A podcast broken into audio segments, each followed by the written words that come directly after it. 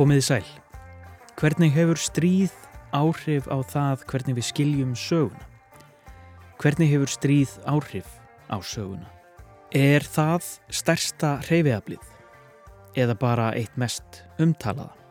Er holdt að kafa of djúft ofan í smáatriði stríðana?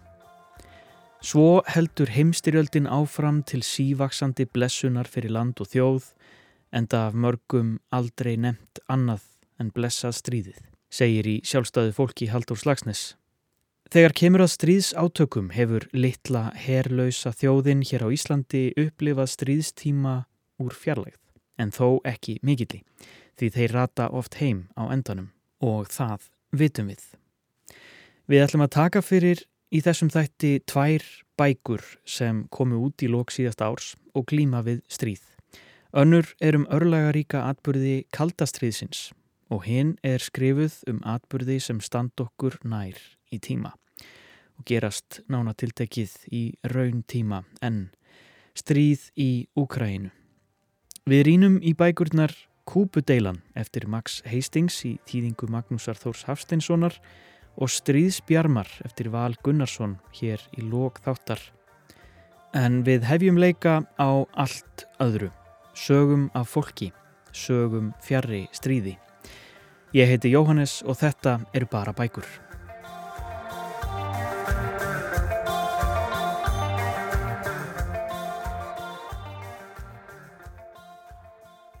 Við hefjum þáttinn á að opna nýtt smásagnasafn eftir Þórdísi Gísladóttur, skáld og þýðanda. Aksturnslag innfædra sem geymir sjö smásögur sprotnar úr raunveruleikanum, eins og segir á kápunni. Þórdís sendi þar að auki frá sér tvær þýðingar á síðasta ári. Smáatriðin eftir Íu Sjönberg og Gift eftir Tófi Dítlefsen, hennar önnur þýðing, en Þórdís hafði áður þýtt Bernsku eftir sama höfund. Ég settist niður með Þórdísi til að ræða við hana um Aksturslag innfættra. Í bókinni má finna glefsur inn í líf fólks úr ólíkum áttum frá ólíkum tímum.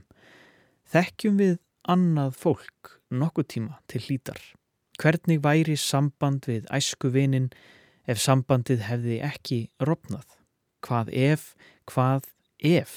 Við fyrstu sín eru atbyrðinir í Aksturslagi innfættra hverstagslegir og jafnvel smávægilegir en þeir endur spekla stærri hliðar tilverunar og vekju upp hugsanir um það hver við erum á hverjum og einum tíma. Við breytumst jú á einn eða annan hátt. En hvað ef?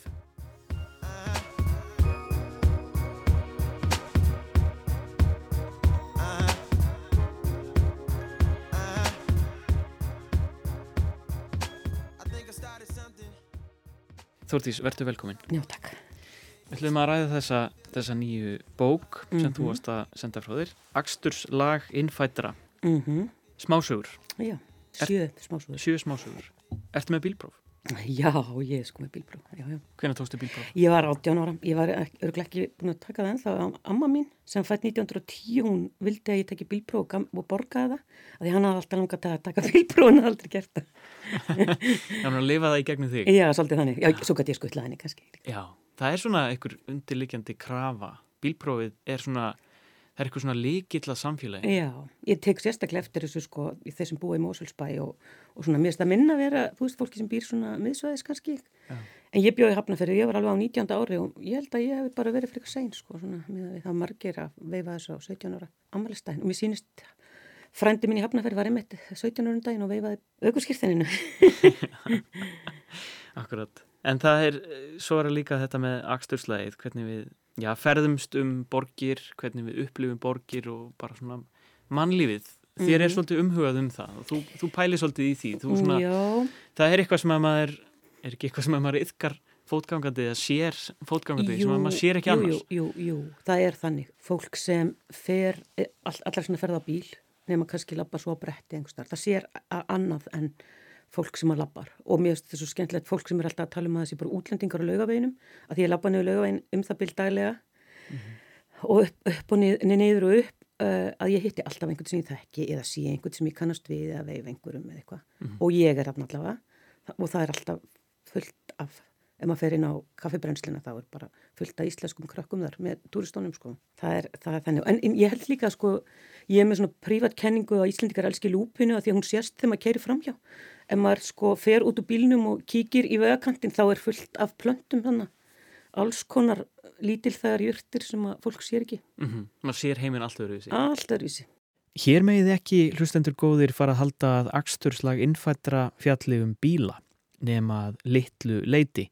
Þótt þetta sé raunar ekki í fyrsta sinn sem bókartitill Þórtísar Gísladóttur vísar í bílaumferð því ljóðabókin Mislæg Gatnamót kom út árið 2019.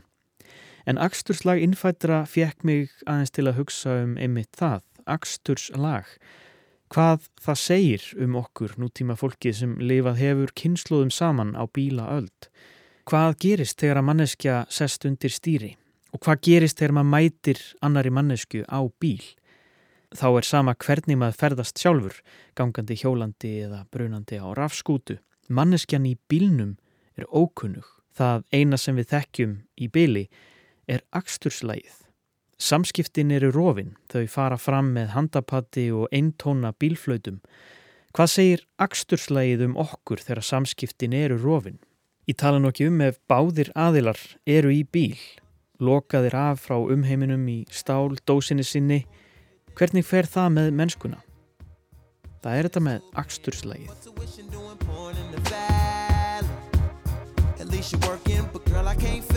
face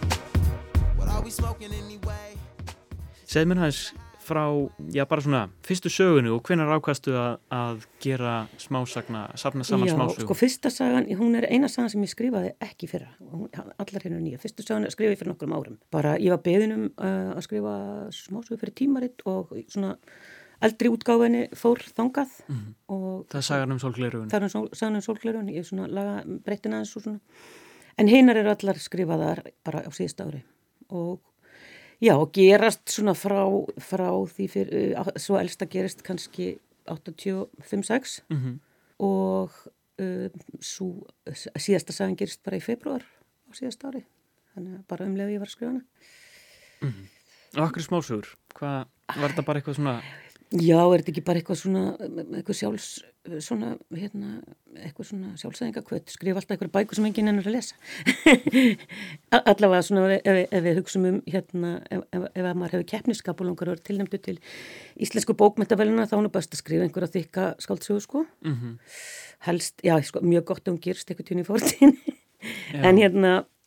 Tökum einhver öðru alvarlega, verðist vera? Nei, nei, en ég, nei, en það er náttúrulega, hérna smásögur eru skemmtilegar og mér finnst sko í þessum tíma sem við hérna lifum á þá held ég að það séu svona hendugu lastning og mér, mér finnst sko ég hef fengið bara, já ég held að við, af mínum bókum sko fyrir utan barnabækur mm -hmm. þá hef ég fengið bara mest viðbröð við þessari bók, það eru er um greinlega margi sem finnst gaman að lesa smásögur. Ég hugsa þetta sem svona vikuskamt þetta er svona, þú veist, eins á dag í viku, það er svona og það er alveg svona, já, það er einhver þráður í þeim held ég, það er, er svona þema sem að fólk ræður hvort það sér já. eða hvort það nennir að velta fyrir sér.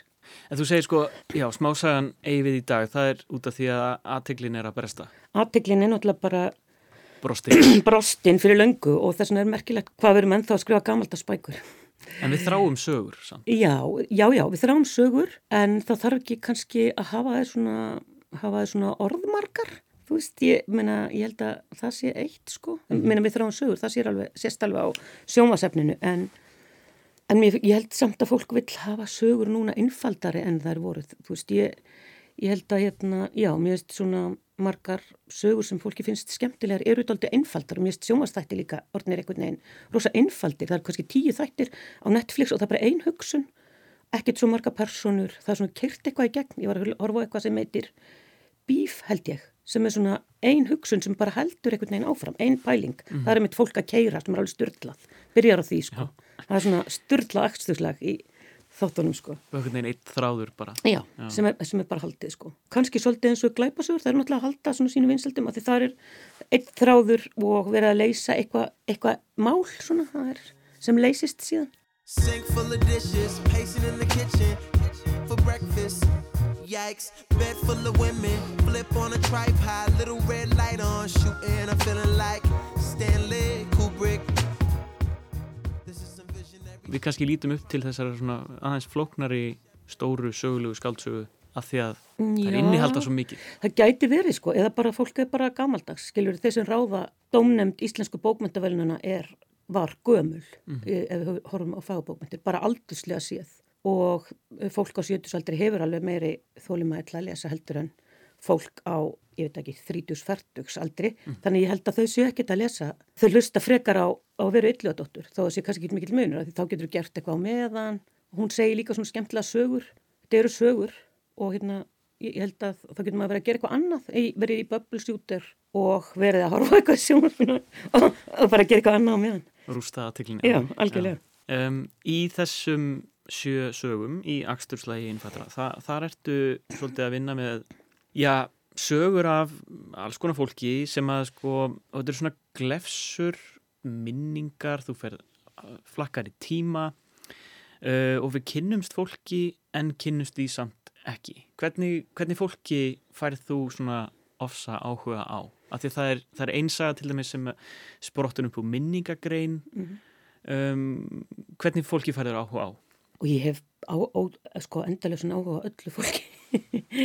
og, og hvað, mér veist, sko, já, hvaða fólk er miklu skrítnar en við höldum. Og þetta er sérstaklega, þetta er sérstaklega núna þegar allir eru að sína einhver mynda sér á Instagram og taka mynd alltaf einu hotna á íbúðinu sem er eitthvað rosa fínt en svo er, veit maður, þú veist, þetta heimil eru allt í rúst mm -hmm. og ég, þú veist, ger þetta sjálf, ég íti einhverja af borði, færi einhvert stól og púsa gluggan og svo teki mynd að einhverju mm -hmm.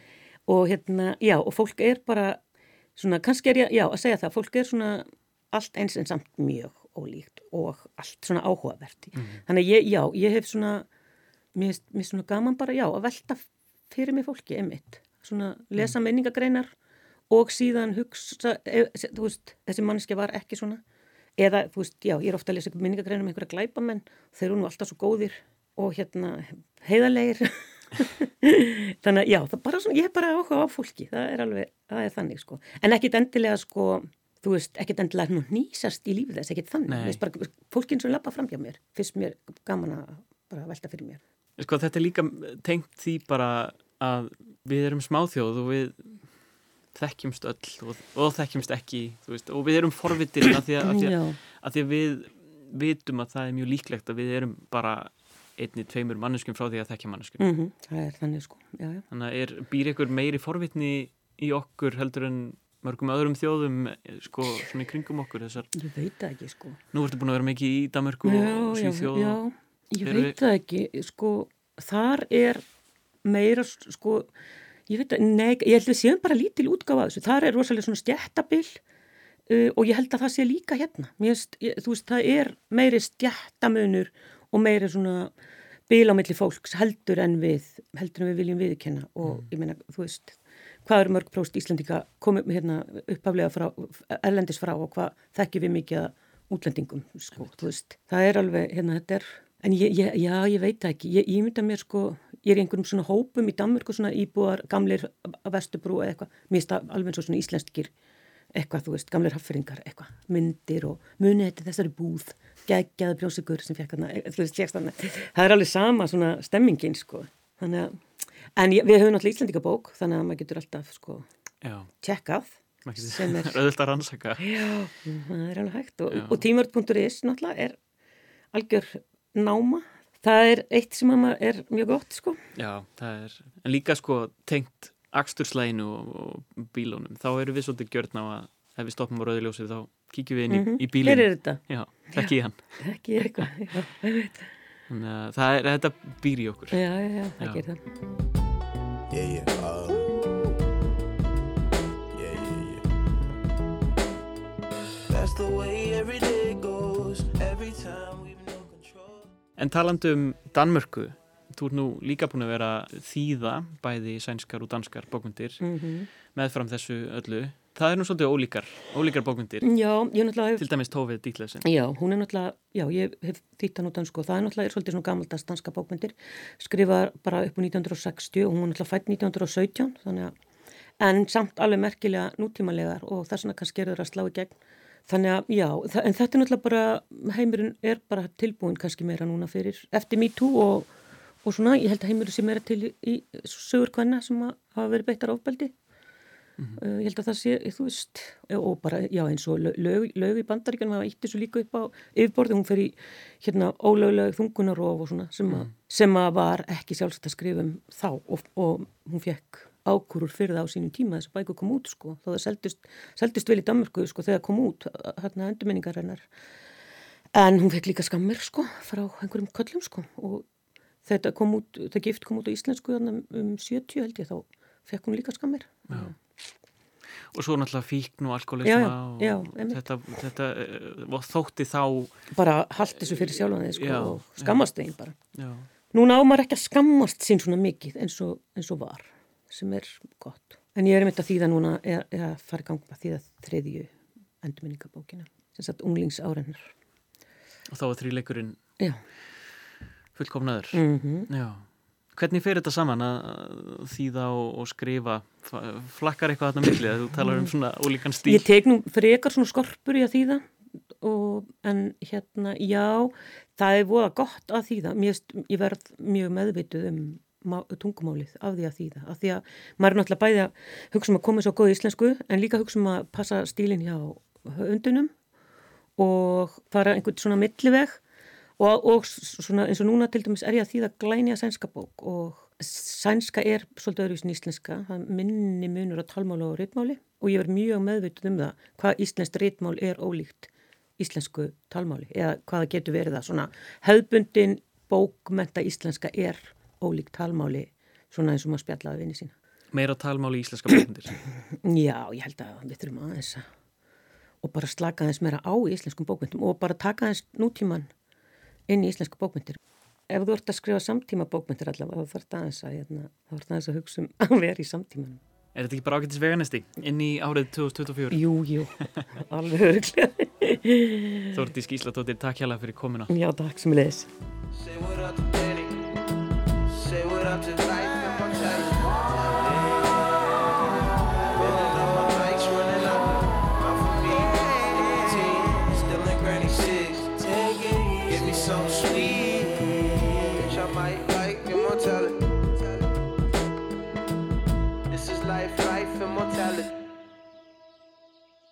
Frank Ocean, Pink plus White af plötunni Blond frá 2016 Það var Þórdís Gísladóttir sem sagði okkur frá nýja smásagnasafninu sínu Aksturslag innfættra sem kom út í lok síðasta árs hjá Benedikt bókaútgöfu og við fórum líka nokkrum orðum um nýjar þýðingar hennar á verkum danska rithöfundarins Tove Dítlefsen og óvendar vinseldir hennar á heimsvísu ára tögum eftir að bækur hennar komu út í Danmörku.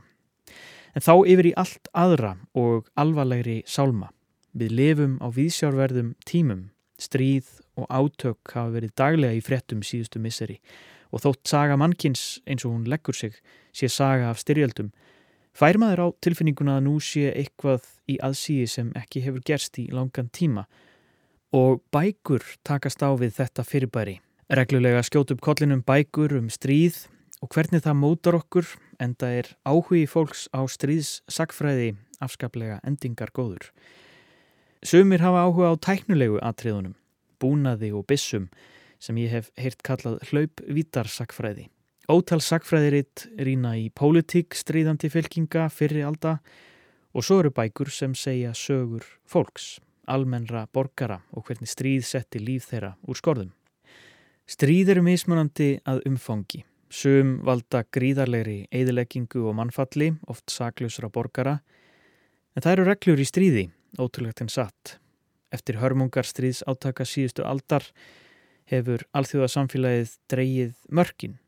Sumt má alls ekki og annað má tæknilega séð, þar að segja ef stríð hefur brotist út. En þessum reglum er ekki alltaf fyllt. Og svo er það samningaborðið sem hefur sem betur fer orðið algengari loka kapli stríða.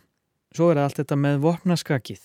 Einhver þarf að kaupa vopn til að berjast og þá þarf einhver að selja viðkomandi vopn.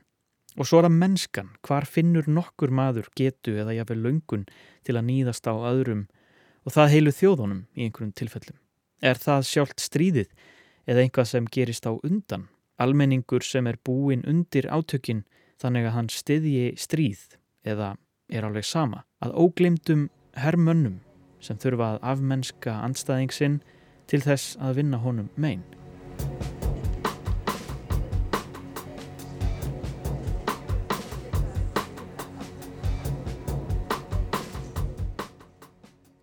Stríð er afl sem gefur okkur merkingu, skrifaði bandaríski bladamæðurinn og reytugundurinn Chris Hedges í samnemndri bók frá 2002.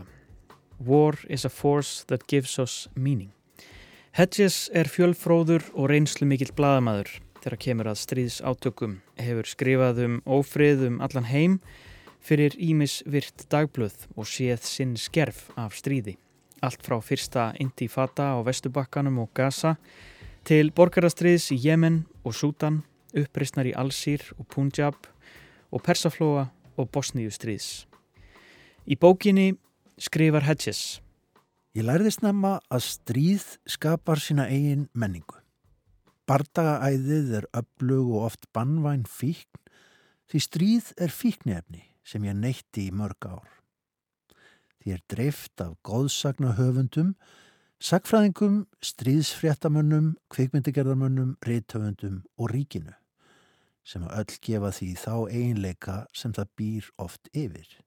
Spennu, framandleika, vald, möguleika á að hefja sig yfir okkar peðastöðu í lífinu og furðulegan heim sem býr yfir gróteskri og myrkri fegurð. Það drottnar yfir menningu, skekkir minnið, spillir tungumálinu og síkir allt það sem það snertir. Jável húmórin sem fer að enkjannast af hróttarlegum, siðspiltum, óþverra og dauða.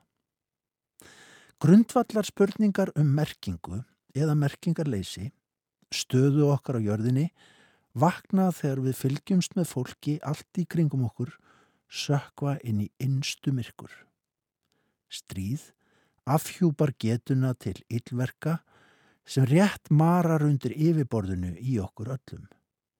Það er ástæðan fyrir því að mörg eiga svo erfitt með að ræða stríð þegar því er lokið. Varanlegt aðdráttarafl stríðs er þetta. Að jafnvel með eðileggingu sinni og blóðbaði getur stríð gefið okkur það sem við þráum í lífinu. Það getur gefið okkur tilgang, merkingu, ástæðu til að lifa. Aðeins þegar við erum í miðjum átökum kemur tómleiki stórs hluta lífsokkar í ljós. Já, tómleiki lífsokkar. Stríð er afhjúbandi. En getur maður snúið aftur úr átökum og synd því lífi sem áður var, því sem telst eðlilegt?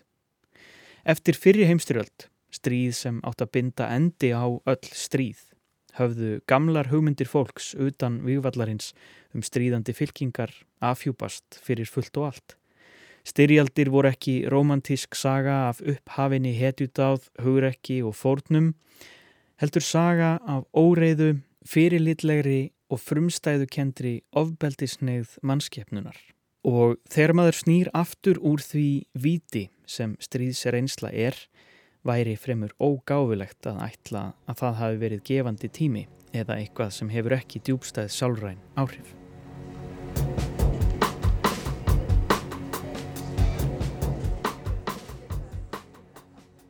Í sakfræði er stríð alltum likjandi.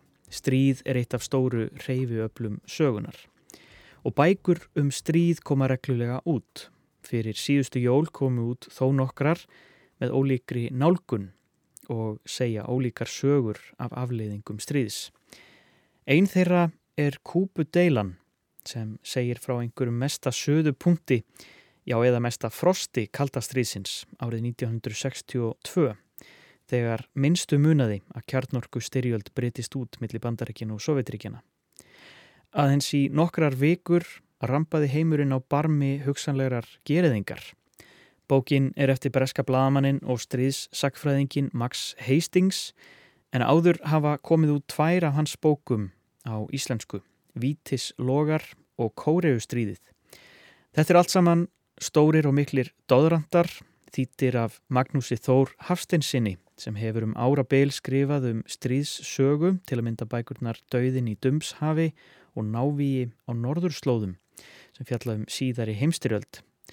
En síðastliðin ár hefur hann einbett sér að þýðingum og nú aðalega Max Hastings.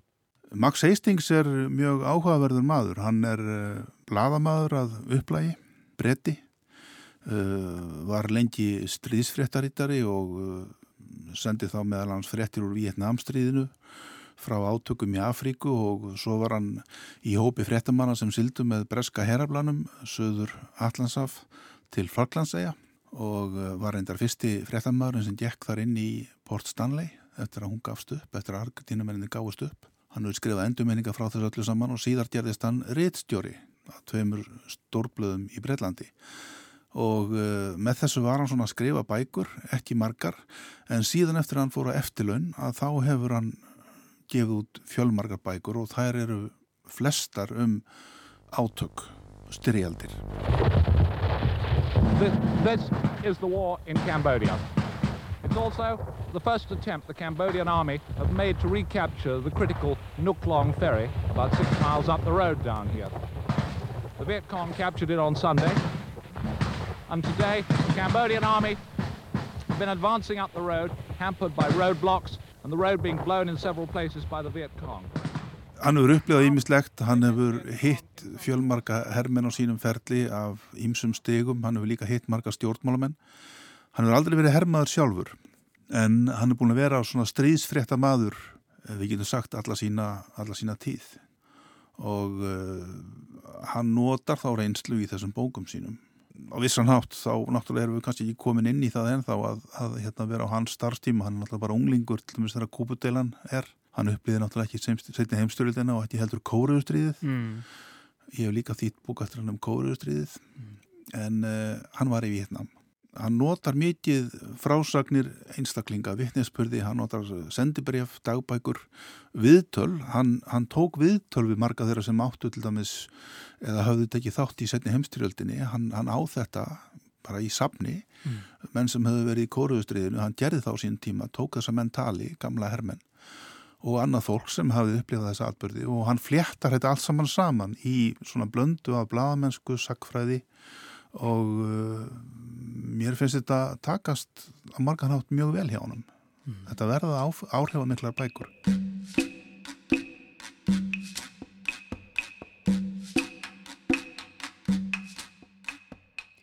Kúpudeilan, nýjasta bók Max Hastings, segir frá atbyrðum sem segja má að hafi verið hápunktur kaldastriðsins þegar minnstu munaði að kjarnorku styrjöld breytist út.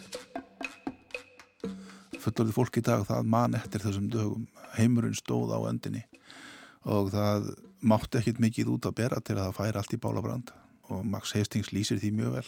Já. Það voru þarna ákveðin atriði sem uh, voru mjög hættuleg og uh, hefði geta farið úr skeiðs og þá enda hreinlega með stjálfingu. En sem betur fer, þá voru plúsa líka í þessu dæmi og, og þeir eruðu ofan á og uh, ekki síst það að þá voru mjög hæfir menn við stjórn, ég held að ég ótt að segja begja vegna borsins mm. og, og uh, til dæmis John F. Kennedy í bandarækjafósetti hann fór ekki á taugum. Hann gaf rússum svigrum til að hugsa sig um og rússar hugsaðu sig um og, og þeim var gefið færa því að bakka út úr þessari kreppu. Þannig að þeir heldu andlitunum sem að segja. En á sama tíma voru ákveðinir hlutir í gangi sem voru stór hættulegir, til dæmis bara það að, að sovjetmenn voru með á kúpu skamdragi kjarnorkuvopn sem hægt var að beita á výgvellinum og þurfti ekki leiði frá Kreml til að stjóta þeim vopnum að stað. Mm. Og bandarækjaman voru alveg á nippunum með að gera innrás í kúpu, mm. senda lið frá Östuströnd bandarækjana Flóriðaskaganum yfir til kúpu og reynlega taka eiguna. Já. Og þeir hafðu gríðarlega yfirbyrði til að gera það þetta var mikill flittn í holdi bandaríkjumanna Kúpa en það kannski ekki skrítið. Kommunistar hafðu náð þarna völdum. Kúpa er bara rétt 100 kílometrum frá östuströndum bandaríkjana Flóriðaskaganum og hún er þarna við innsiklinguna inn á Mexikóflóan mm. sem eru miklar og mikilvægar flutlingarleði fyrir bandaríkjumenn þannig að mm. vita það að þessi eigi að þessi demantur í Karípa hafi verið komin í hendur ofinnana það var, var ekkit auðvelt að lifa með því. En Kennedy er náttúrulega sko, uh, hann er ekki hrifin að þessu svona uh, að fara offari í þessu, hann náttúrulega eins og segir, hann, hann kannski svona dregur uh, bandarækja hliðina aðeins svona tónar það eins Já, hann, hann hafði heimil á haugunum. Þá voru menn í hans ráðgjafahópi sem vildi bara gera einrás mm hann hafði heimil á þessum mönnum og hann fór ekki á taugum. Hann ákvaða að gefa sovjetmönnum og Khrushchev svigrum hann tafði málin aðeins setti hampan á kúpu og, og reyndi svona að treyna tíman Mm -hmm. og þetta bjargaði því að það, það fór ekki verð Mm. Við sáum líka svona hluti í Kóreaustriðinu þar sem um, MacArthur hersöðingi vildi reynlega varpa kjarnókussprengjum á Kína og það voru sterkabli bandarækjum sem vildu, sem vildu gera það bæði til að hérna uh, hvað ég má segja hveða kínverja í kútin í Kóreaustriðinu en líka uh, í því ögnamiði að reyna að steipa kommunistastjórninni þar sem var nýttekjum með völdum Mm. En þar voru enn og aftur hæfur menn, menn með domgrindin í lægi sem sögðu stopp hingað ekki lengra og þeir hefðilega ráku Mark Arthur, þeir losuðu sig við hann og síðan sömduður um vopnalíðið í stríði. Þeirra bækur Max Hastings, mér finnst það mjög mikilvægar og mikilvægt það er komið út í íslensku vegna þess að það er svo margt í þeim sem segir okkur svo margt og kennir okkur svo margt.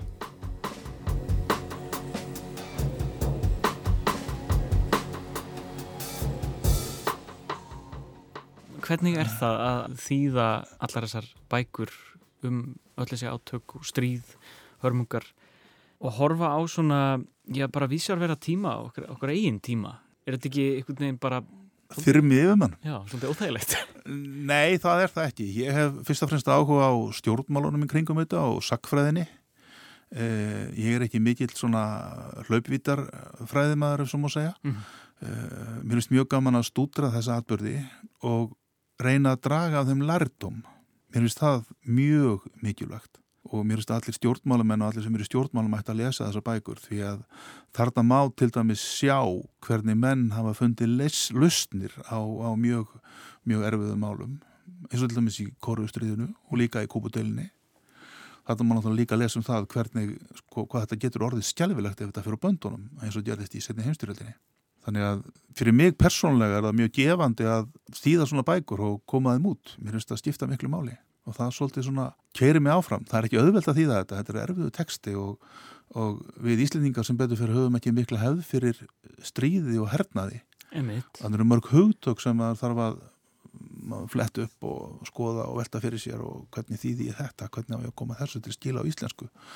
Alls konar svona herfræðileg hugtök.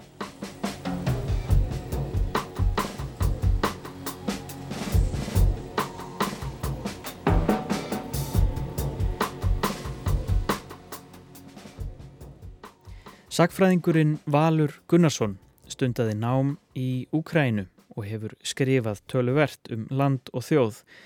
Hann helt þangað aftur nokkrum mánuðum eftir að stríð hófst í landinu árið 2022 til að leita svara við stóru spurningunum sem brenna auðvitað á öllum sem fylgjast með um hvað snýst stríðið, hver er upplifun fólks og hvað gerist næst. Síðasta haust kom út ný bók eftir val. Stríðs Bjarmar, þar sem hann kafar ofan í sögu þessara svæða sem barist er um í austurluta Úkrænu. En þar lýsir hann líka landi í stríði frá hans eigin persónlega sjónarhortni, manns á vettvangi og skrifar í rauntíma á ferðalagi um landið. Er um það leiti sem Stríðs Bjarmar kom út voru fréttir af vikstöðunum í Úkrænu farnar að falli skuggan af því sem var að gerast á Gaza. Fólk hefur náttúrulega áhuga á því sem er nýtt, fólk hefur líka uh, mestan áhuga á hvað gerist næst. Það er alltaf stóra spurningin sko.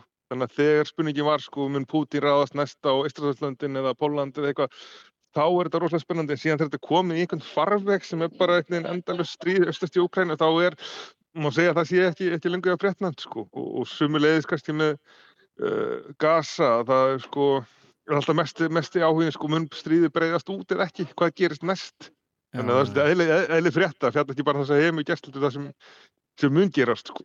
Nútíminn er erfiður og fortíðin óbærileg, skrifar Valur Gunnarsson undir lok stríðs bjarma.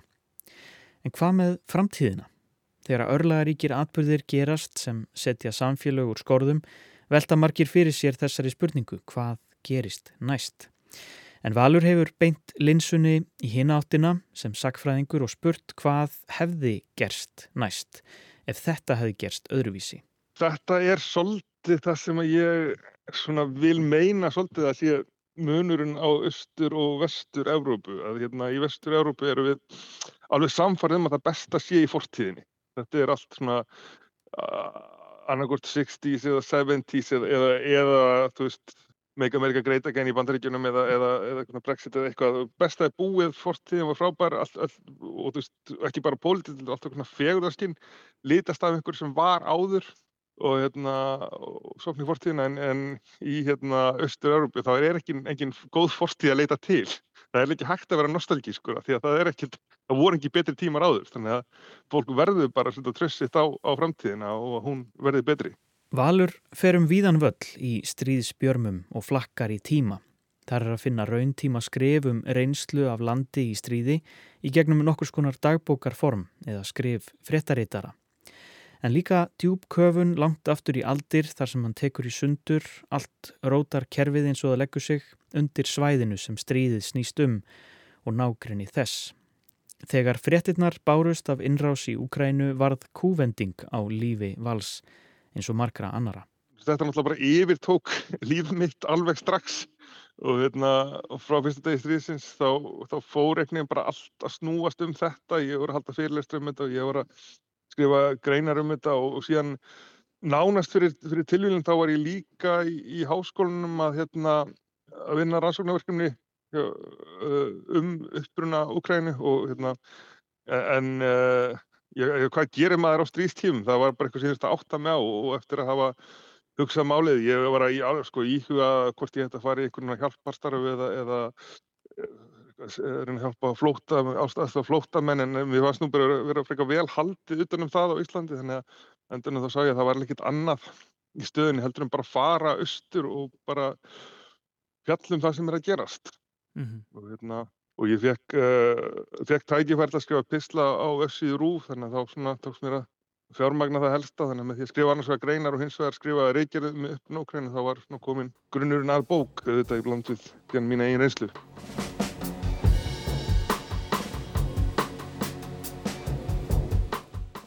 En þegar maður er svona nærri stríðsátökum og þarf að skrifa um það, hverju ámaður að beina sjónunum að? Er það fólkið? Er það stjórnmálinn eða hermennir og byssunar? Ég reyni nú svona einhver leit að gera þessu öllu skil. Ég er allt frá sko hlaupavita sakfræðinni svo kölluðu yfir, yfir í tilfinningar og upplifanir fólks hérna í borgum. Þannig að ég held að þetta skipti allt saman máli og hérna veist, kannski er það svo. Það er dæmi um það að orustur eða stíða unnist og tapast vegna þess að aðri voru með betri rifla heldur en hinnir eða, eða núna eru, eru rúsa með fleiri skotværi aftur sem að eru að fá frá norðu kóruðin að þetta allt sem að skipti máli mm -hmm.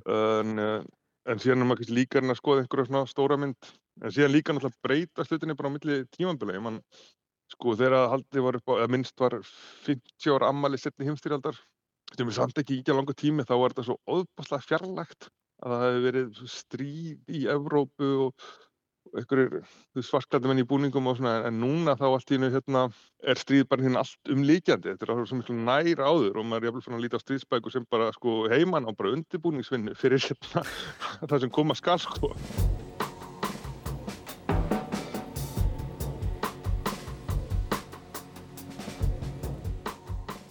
Núkrænum menn segja þetta sjálfur sko og sögðu sérstaklega til að byrja með sko að núna árið 2022 skuli vera stríð í okkur, fannst fólk einhvern veginn ótrúlegt en, í því náttúrulega er ákveðin trú á, á þróun að, að, að við hjóttum einhvern veginn að verða, ég veit ekki, betri manneskjur eða hérna skinsamar eða eitthvað en það er náttúrulega ekkit alltaf, ekkit alltaf reyndin.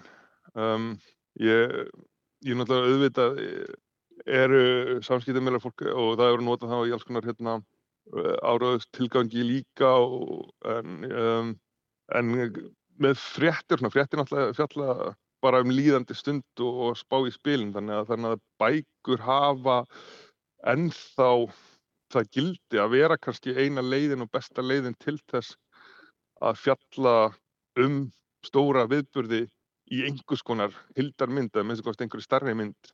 Að nú hérna stundum verið talað um að, að sko bestu stríðs skáldsögurnar byrtast svona 30-40 árum eftir á Mhm. Stríð og friður er skrifuð hérna 40 árum eftir Napoleon stríðin og hérna Red Badge of Courage eftir Stephen Crane er eitthvað álíka eftir hérna 30 árum eftir hérna bandarska borgarastríði þannig að en, en náttúrulega nú er ég að fjalla um eitthvað sem er að gerast hér og nú og sem er algjörlega óklárað en, Mhm. en uh, og þannig verður þetta svona stundum einhvers konar dagbókarskrif eitthvað sem hefði sko nánast geta verið blogg en í bland við sögulegan bakgrunn en, en það er bara uh, bóki þarf tíma til þess að, að- að lesa og, og, hérna, og gefa meira færi á held ég að reyna að sjá einhver, einhvers konar heldamind og náttúrulega verður aldrei einn endaleg heldamind en, en, en á sama tíma þá náttúrulega eru á hraðferði gegnum söguna og við verðum að, að bregðast við með einhverjum hætti. Þannig að já, sagan er mjög ófullkomin leiðarvísir en hann er samt svo einu sem við höfum Sigurvegararnir vilja náttúrulega romantísera sínar dáðir Hér er Magnús Þór Hafstinsson þýðandi aftur. og gera mikið úr þeim og tala illa um hinn sem hafði kannski tapað eða orðið undir eða var andstæðingur Já. og það verða náttúrulega úr þessu til alls konar mýtur og þjóðsögur síðan náttúrulega er þetta notað í ýmsum tilgangi, áróðslegum tilgangi til að upp eða að æsa upp þjóðverðniskend og annað þess áttar. Mm. Sjáum þetta gera svolítið í dag í nútímanum. Uh, Rússar til dæmis, þeir dyrka setni heimstyrildin og þetta hetju hlutverk og þetta fórna hlutverk Mm. og þeir hafa vissulega innistæðu fyrir því á margan hátt því að engin þjóð misti jafn mikið af fólki og sovjetmenn í setni og, en þeir hafa notað þetta og, og maður sá það svona í aðdraganda Úkrænustrísins að Pútín eða þeir sem eru við völd í Rúslandi þeir nota þessar frásagnir til þess að já, sennilega frá þeirra sjónarháli að stappa stálinn í þjóðina en við sem stöndum svona aðeins fyrir utan og horfum áttu utan frá að okkur finnst þess að þarna sé nánast verið að æsa fólkið upp Mm. til þess að fara í stríð og þá nota þetta. Eh, en, en, en þessar styrjaldir þar eru, þar eru þjóðum þjóðir sem lenda í styrjaldum bandarækjumenn nota þetta líka mjög mikið þeir, þeir framleiða kvikmyndir sem margar hverjar eru náttúrulega bara reynar áróðursmyndir. Já. einmitt til þess að berja þjóðinni einhvern tjark í brjóst eða, eða hermönum þjóðarinnar e, til þess að fara í stríð. Eh, þannig að þetta er notað endalust fram og tilbaka. En svona þessi sko, hugmynd okkar um uh, svona hetjuskap og hugrekki og, og fór, þetta er eiginlega svona hugmyndir sem eru ríkjandi jamt á friðar og ófriðatímum. Já, reyndar hugmyndinar um hetjuskap uh, er oftast meiri á friðatímum. Það var alltaf með svona, fyrir, fyrir heimstrild var rosalega mikið á svona hetjusögum og ævintýrabókum um minnatu átökum. Þegar allir höfðu reynslu af stríði þá, þá hu- hurfu þessar svona hasabækur og í staðin komu bara uh, stunglindislega bækur um, um, um, um tilgangsleysi stríða. Þannig að Þessi romantisering Þannig- hverfur. Já, hann hverju náttúrulega algjörlega fyrir þeim sem að hérna, sem hafa verið að upplifa stríðin sko. En síðan er náttúrulega sko, náttúrulega upplifum heiminn samt mikið í gegnum Hollywood og það er alltaf rosalega skýrt hverjir eru góðir og hverjir eru vondir og við náttúrulega viljum alltaf setja allt í einhverja þannig, einhver þannig ramma sko, að, að annarkort eru bandaríkin góð eða þá einhverju, fólk snýði á haus og bandaríkin eru alltaf vond. Mhm. en, uh, en það er einhverju tilbynning um það að annar aðeins hljóta að vera góður og hljóta að vera vondur. Og það er ekki að tala um það var aðeins úkrænumenn og það er alveg skýrt en, en, en bara með já, stríðin það bara að draga fram uh, slæma hluti hjá öllum. Það sem að, að, að, að beita ofbeldi og, verða fyrir ofbeldi verður daglegt brauð. Þannig að það er hérna já, Hollywood held ég mótilin er mjög illið utan, utan um það allt þetta er náttúrulega slæmt ástand og það sem að eiginleikar sem að hérna eru að því hérna ekki ekki æskilegir verða allt í hennu nöðsynlegir að verða taldir æskilegir og það er líka sínt sig að hérna uh, margir í og Bosníu stríðanum sem að verður til hópar fólk sem að hérna kunna eiginlega ekki drömmulega hafingar hæfileika heldur en að bara beita ofbeldi og, og, og þeir þá farið í glæpi í framhaldinu því það er á friðatímum er það svona það eini farvegurinn sem að, sem að fólk hefur til þess að beita því ofbeldi sem að, sem að það var krafist að því að það myndi beita á stríðstímum.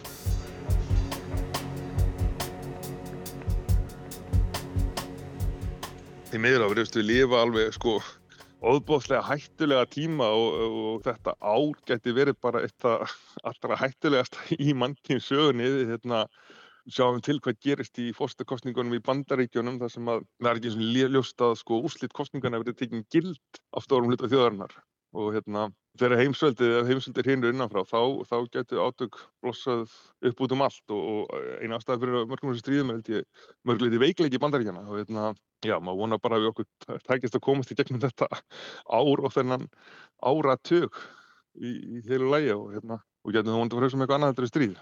Sumir segja að þriða heimstöldin getur skollið á. Max Hastings er einn af þeim. Hann sér að reynd út að það sé bara að hætta. Hann telja það sé bara mjög mikil möguleik á því að hún getur skollið á já. Uh, hann hefur líka skrifaði líka bók á sín tíma með öðrum manni um sögu Falklandsegastriðsins mm. það verið gaman að koma því út á íslensku. Það er margir íslensk, Íslandi í dag sem mun enn eftir því stríði. Falklandsegar eru mjög líkar Íslandi landsættir og annað. Já, uh, mér finnst alltaf, öll þessi saga þetta efna allt saman, þetta þarf að vera til á íslensku. Það skipta mjög miklu máli. Mm. þannig að fólk geti lesið um þetta á íslensku skólakrakkar geti lesið um þetta og, og uh, því eins og ég segi sagan er til að læra af henni. Mm. það er atriði nummer 1, 2 og 3 Og við og, litla herrlösa þjóðin þurfum að skilja. Við verðum að skilja, við þurfum náttúrulega að haga okkar seglum í þessu öldur út í heimsmálana. Uh, og, og við verðum að skilja þessu kunnana og reyna að leggja okkar á mörgum til þess að halda frið í heiminum. Það skiptir bara öllu máli. Mm. Stríð eru skjálfileg. Stríð er skjálfilegt en sögur af stríði eru mikilvægar heimildir um hvað mannkinn er fært um að gera og sögur af þeim eru víti til varnaðar. En um langar hríð hafa margir trúa því að stríð væru hreinlega úr sögunni, að minnstakosti heimstyrjaldir og við lifðum á alþjóðavætum friðartímum. Og það er spurning eh, hvaða tímapunkt maður vil miða við sko en það, það hafi verið hundra ára friður og síðan kemur fyrir heimstyrjöld sem að, að brútaliserar allar heiminn og, og ný landamæri eru dregin sem eru ennþá óuppkljáð bæði í, fyrir um Sovjetregjónum og í hérna miðasturlöndum þannig að alltaf mann er þetta bein aflegginga því þannig að kannski var einhver svona rosalega röng beigja tekinn þar eða mm. kannski viljum við bara miða við hérna 11. september og hérna og erum svona í Írak sem eru kannski svona Uh, svona frumsynd 2001. aldar og, og allt annað er einhvers konar afleðing af því. Það er þessu tíu ára tímanbili frá fallið Sovjetríkjana og þá var bara svona almennt viðhorf að, að stríð væru liðin tíð, það var mér sé að það var friðvænlegt í Palestínu og Ísrael, í norður Írlandi og þessi hryllingur á Balkanska en, en sem var litað sem bara undatekningu en, en þetta var svona nánast, maður litað sem óhjákamlega þróun að, að, hérna, að það erði alltaf meiri, meiri friður og friðvænlega að sjá en, en allir september kannski bætt svolítið enda á þá hugmynd og síðan alltaf líka aðgerir bandaríkina sem þau voru í þráss við, hérna, allþjóða lög og allt það þá var ljóst að 2001. aldin er ekki fríðaröld.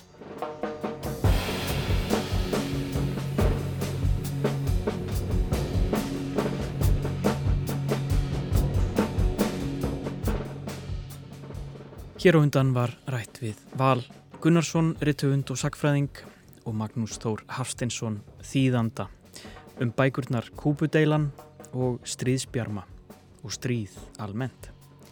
Við höldum áfram að fjalla um stríðssakfræði í næsta þætti.